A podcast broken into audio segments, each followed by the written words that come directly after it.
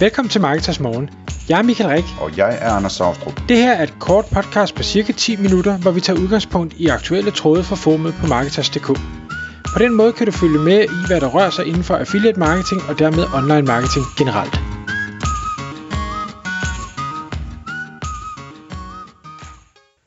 Godmorgen Michael. Godmorgen Anders. Sikke dog en, øh, en øh, tone, du lægger an her fra morgenstunden. Nemlig det er, er alvorligt op, det her. øh, sur og vred, eller hvad sker Nej, det er, det er alvorligt, vores emne i dag. Jeg kan også høre, at der er en lille smule snue der, du skal have rystet af dig. Ja, men sådan, altså, når man lever her i det her kolde Danmark, så, så bliver man lidt forkølet. Ja, sådan er det. Sådan er det. Nå, øh, Michael, du har øh, fortalt mig, at vi i dag skal tale om webshoppens egen effekt på affiliate marketing. Altså det her med, øh, altså hvad betyder det, de ting webshoppen gør eller ikke gør, i forhold til hvor succesfuldt et affiliate-program kan blive, hvor meget omsætning en webshop kan hente hjem på affiliate marketing. Så det bliver sådan en, øh, en øh, hvorfor øh, er der effekt, og hvordan opdager man det, og hvordan fikser man det snak, tror jeg. Ja, det, det er præcis. Og, og man kan sige, det er egentlig ikke kun øh, affiliate marketing, det, det er egentlig, hvad skal jeg sige, e-commerce virksomhed generelt set. Fordi det der er, grund til den her, øh, hvad skal jeg sige, det her emne i det hele taget, det er, at jeg jo løbende taler med en masse forskellige webshops specifikt, øh, eller i hvert fald mange tilfælde omkring deres affiliate marketing, og hvorfor udviklingen er, som den er, øh, uanset om det er opadgående, nedadgående, stagnerende, eller hvad det nu måtte være. Og der kommer vi til at tale om, om rigtig mange forskellige aspekter, øh, også omkring det her med at øh, drive webshop i det hele taget. Fordi det, som jeg oplever mange øh, have en holdning til, eller, eller, eller bilde sig selv ind, eller hvad man nu skal kalde det, omkring affiliate marketing, det, det er lidt som om, at affiliate marketing, det er den her eksterne ting, der sker og leverer salg. Øh, fordi det er, nogle, det er nogle andre der mennesker, der gør nogle andre ting og et eller andet, og, og så bliver det til noget salg, og jeg betaler nogle kommissioner, og, og derfor så har det som sådan ikke rigtig noget med mig at gøre. Og der må jeg jo så forklare, at det, det, har, det er i høj grad noget med dig at gøre, fordi salget sker ikke et andet sted. Salget sker jo stadigvæk hos dig, der har webshoppen. Altså det, det som affiliates gør, det er, at de går ud og markedsfører på de forskellige måder, som de nu er i stand til, og sender trafikken til din shop, som så er den, der lukker salget. Så, så I er ikke uafhængige af hinanden, I er i høj grad meget afhængige af hinanden.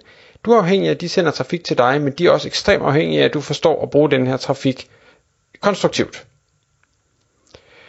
Øhm, og, og, og den sang vil jeg gerne synge igen, fordi det, det er vigtigt, tror jeg, for, for øh, alle e-commerce, eller alle øh, online virksomheder, der arbejder med affiliate, at forstå at sige, altså det her, det, det skal være en eller anden form for symbiose, hvor man arbejder sammen, og, og kigger, altså man kigger øh, på sig selv også, og siger, hvad kan jeg gøre for, at det her, det bliver bedre?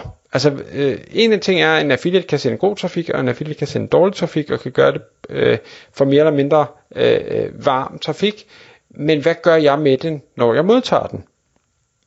Øhm, behandler jeg den godt nok? Altså, hvis en affiliate adresserer issue A i en eller anden artikel, hvis vi nu bare tager det eksempel, jamen der hvor de så sender den hen, formår jeg at tage dialogen videre og, og få øh, afmystificeret de sidste ting, der måtte være, sådan så at det her, øh, den her potentielle køber vælger at købe et eller andet, som jeg sælger.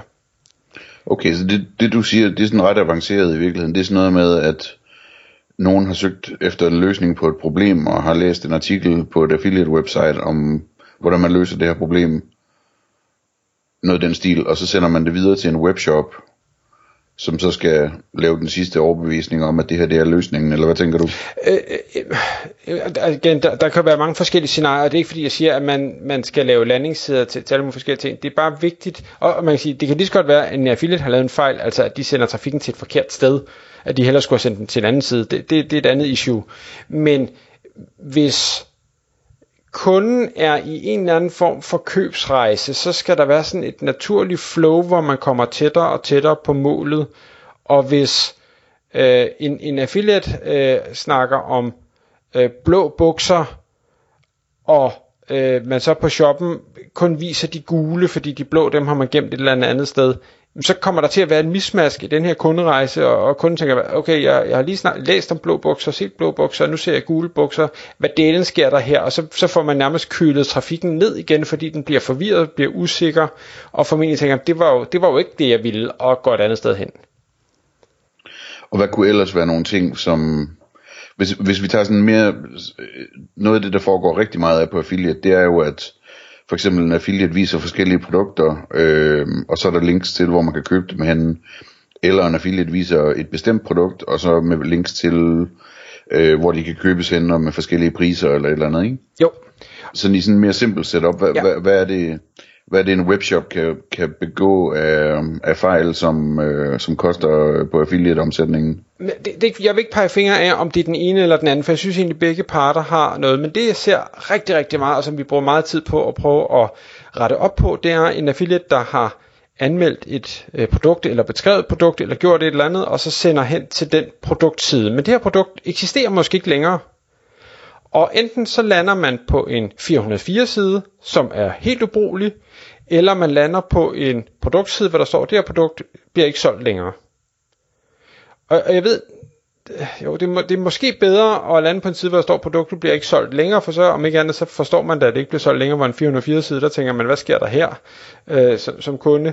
Men, men der, der kan man sige, et, webshoppen bør holde øje med alt det trafik, der lander på, på 404 sider, eller al den trafik, der lander på produkter, der er udsolgt sider, og så adressere det issue, sige, hvordan kan vi få det hen et bedre sted, end der, hvor det lander lige nu. Hvis man gerne vil beholde de her øh, produkter, bliver ikke solgt længere sider af den ene eller den anden grund, så ligger det så hos webshopperen, synes jeg, at sige, godt, hvordan kan vi så optimere brugeroplevelsen og sige, okay, men det her produkt, det er ikke på lager mere, og det kommer ikke på lager mere, men hvad er måske endda bedre alternativ til det her produkt. Hvis jeg lige har siddet og læst om et eller andet, en plæneklipper, og nu er jeg ligesom blevet forelsket i den, for det har affiliaten ligesom beskrevet, hvorfor jeg bare bliver nødt til at have det her aggregat, så lander jeg og får at vide, det, den kan jeg bare overhovedet ikke købe mere. Så skal webshoppen tage den her trafik, mens jeg er klar, og så sige, du skal slet ikke have den her. Det er yesterdays øh, gadget, du skal have den her, fordi den er dobbelt så hurtig og slår øh, bedre, og whatever, et eller andet og så få mig overbevist om, at jeg kører der bare noget andet. Og det er en kæmpe opgave. Ja, det, det er en kæmpe opgave, men, men det er ikke kun en opgave, der er relateret til affiliate markedsføring. Det er en opgave, der er relateret til alting, fordi der kommer sikkert også SEO-trafik til den her side. Det kan da være, at man stadig øh, eller har et bureau, der stadig kører kampagner på, på Google øh, eller på Facebook eller et eller andet til den her. Det kan være, at man har en eller anden øh, funnel, der stadig refererer til det her produkt, som man lige har glemt, at man havde refereret til. Så, så det er alt trafik, der lander på de her udsolgte produktsider, som man bliver nødt til at gå igennem og sige, hey, hvordan kan jeg lade være at bare smide den trafik på jorden? Så øh, en anden ting, det er noget med klare øh, call to actions og, og øh, fremhævelse på en fornuftig måde af eventuelle tilbud, der måtte være. At en affiliate kan gøre rigtig meget med trafik, men de kan aldrig lukke salget. Det ligger altid hos webshoppen i sidste ende. Og der, og det har vi snakket om 1000 podcast, det her med, med konverteringsoptimering, at det bare er ekstremt vigtigt for alle, der sælger noget, og sige, den trafik jeg får ind, hvordan får jeg den til at foretage de handlinger, jeg gerne vil, bedre og bedre og bedre og bedre hele tiden. Sige, kan, kan jeg tweake lidt? Er der noget usikkerhed, jeg kan eliminere? Er der noget, der er uklart? Er der noget, jeg burde fremhæve frem for noget andet? Bør jeg placere øh, knappen det ene sted eller det andet sted? Skal jeg have Trustpilot på, eller øh, leveringsbetingelser? Eller hvad er det ligesom, der skal til for, at jeg får flere og flere til at konvertere? Og igen, er det her ikke kun affiliate marketing, det er alt marketing, man laver, der vil blive positivt påvirket af de her ændringer. Og den sidste ting, øh, eller den næste sidste ting, jeg så har, det er noget, hvor jeg også ser, der er en, der er en forbedringsmulighed, og som en affiliate heller ikke kan gøre noget ved, det er det her flow, en kunde går igennem. Man lander på en eller anden produktside, der er man kommet hen på en eller anden måde, man lægger produktet i kurven, og så har man det her checkout flow, hvor jeg ser mange webshops, også når jeg selv sidder og, og handler, hvor det virker som om, jamen jeg tog bare den standard, som der ligesom var med den shopløsning, jeg havde, og så, så gjorde jeg ikke mere. Og der tror jeg, der er enormt meget at hente ved at sige, prøv lige at, prøv lige at gå den igennem selv, gå den igennem på en desktop, gå den igennem på en, en tablet, gå den igennem på en mobiltelefon. Forestil dig, at du øh, sidder i et andet land, har en eller anden adresse, eller øh, du, du øh, vil betale med betalingskort, eller du kun har mobile pay, eller du vil gerne vil købe på kredit, eller et eller andet. Prøv at, at, at tænke de her scenarier igennem og sige, giver det her? Er det nemt? Er det tydeligt? Hvad hvis jeg nu bakker i min browser, sletter den så alle data, eller husker den det, jeg har lagt i kurv, og alle mulige andre ting, som jeg er sikker på, at vi alle sammen har oplevet, øh, når vi sidder og handler, og man, man så bliver dybt frustreret over, nu har man lige lagt syv ting i kurven, og så kommer man til at bakke, og så er alting væk. Øh, eller man har indtastet alle sine leveringsinformationer og besked til, hvor fragtmanden må stille tingene, og så hop, så var det væk. Altså, det, det er sådan noget, der for mig til at sige, så, så skal jeg bare ikke handle. Altså, det gider jeg ikke, det er mit liv for kort til. Og det rammer jo også al anden markedsføring, man laver, inklusiv affiliate marketing. Så, så det er super vigtigt at kigge ind i. Og så den sidste, Anders, hvis jeg lige skal tage den. Øh, det er feedet, og den, den, den vil jeg gerne tæske hver eneste gang vi snakker. Sige, få nu for delen kigge det her produktfeed igennem, og sørg for, at alle attributter er opdateret og er retvisende og, og ting og sager. Det er uanset om det er endnummer, eller det er øh, vejledende udsalgspris og tilbudspris, om det er leveringstid, om det er fragtomkostninger, om det er farver på ting, der kan have farver. Øh, det kan også være øh, hvad hedder, description af produktet, hvor, hvor jeg, jeg ser eksempler på øh, beskrivelser, der indeholder alt muligt crap HTML-formatering, fordi det var lige sådan, det var sat op på en site, så det ligner, jeg ved ikke hvad i feedet. Der, der skal vi have fat i en ikke HTML tekstløsning, så der kan, kan bruges i stedet for, eller en kort version, eller et eller andet. Altså, der, der er så mange ting, man kan optimere i et feed, og der, jeg tror, som sagt, jeg har sagt før, der, jeg har ikke rigtig set nogen feeds, der var helt perfekte, medmindre det er butikker, der kun har et eller to produkter, så er det ikke så svært at, at gøre perfekt. Øhm, og der, der ligger meget at, at hente der. Hvis jeg lige øhm, må, må, må runde af med en ting, Michael, så er det, øhm, altså det her med, hvordan man ligesom, hvordan, hvordan går man til opgaven? Og der, der sidder jeg og tænker på, at, at hvis det var mig, der havde en webshop, der havde et affiliate-program, så et sted, jeg ville starte, det ville være at øh, sende en mail til affiliate-netværket, øh, eller til to-tre affiliates, øh, som sender mest trafik, og måske også nogle salg.